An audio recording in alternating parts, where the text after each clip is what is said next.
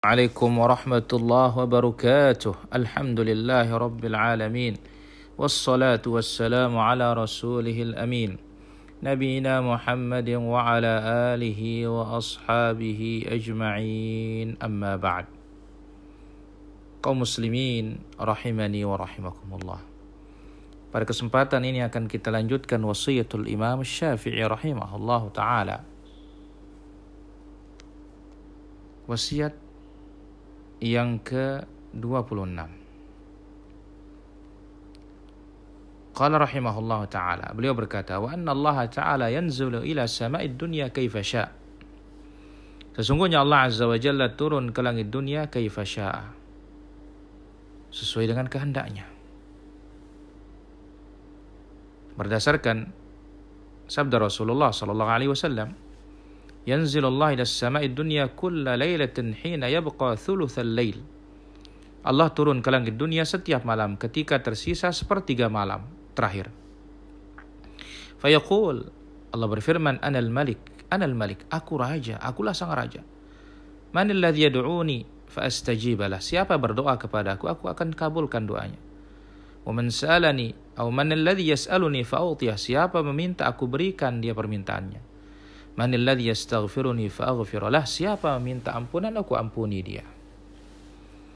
Maka ini menunjukkan bahwasanya bukan perintah yang turun, bukan juga Jibril. Karena kalau perintahnya tidak mungkin dia akan mengatakan siapa yang berdoa kepada aku, siapa minta ampun. Perintahnya ya tidak bisa mengampuni. Yang mengampuni Allah Azza wa Jalla zatnya. Maka Imam At-Tirmidzi rahimahullah berkata, "Waqad qala ghairu wahidin min ahli al-ilm fi hadzal hadits." Banyak para ulama menjelaskan tentang hadis ini.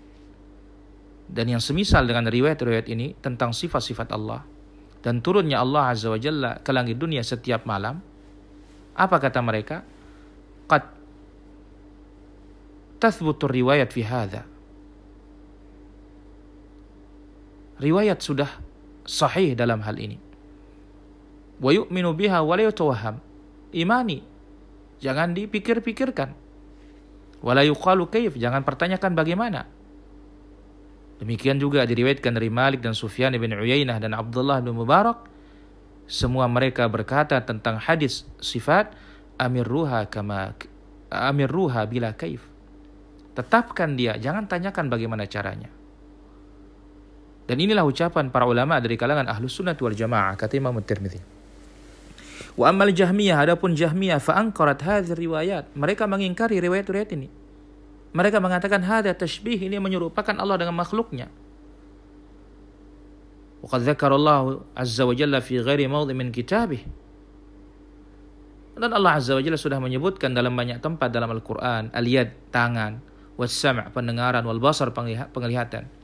Fata'awwalatil Jahmiyah. Al-Jahmiyah menta'wil, menyelewengkan ayat-ayat sifat ini mereka memaknainya tidak seperti yang dimaknai oleh para ulama.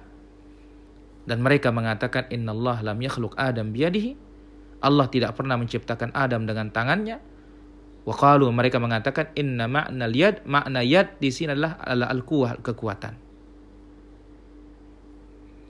Qala Ishaq ibn Ibrahim.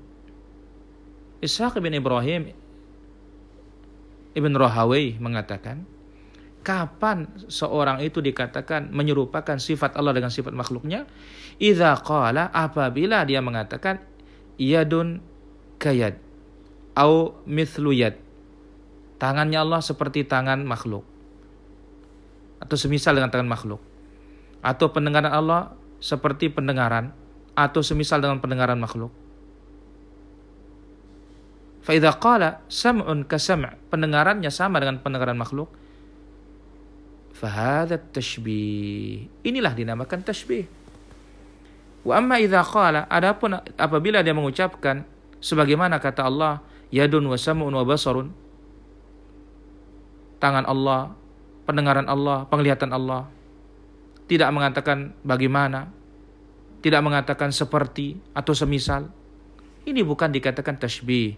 Ini persis seperti apa disebut oleh Allah Azza wa Jalla, laisa kamitslihi syai' wa huwas samiul basir tidak ada yang serupa dengan Allah Subhanahu wa taala apa pun dan dia Maha mendengar lagi Maha melihat. Wallahu taala ala wa alam. Walhamdulillahi rabbil alamin.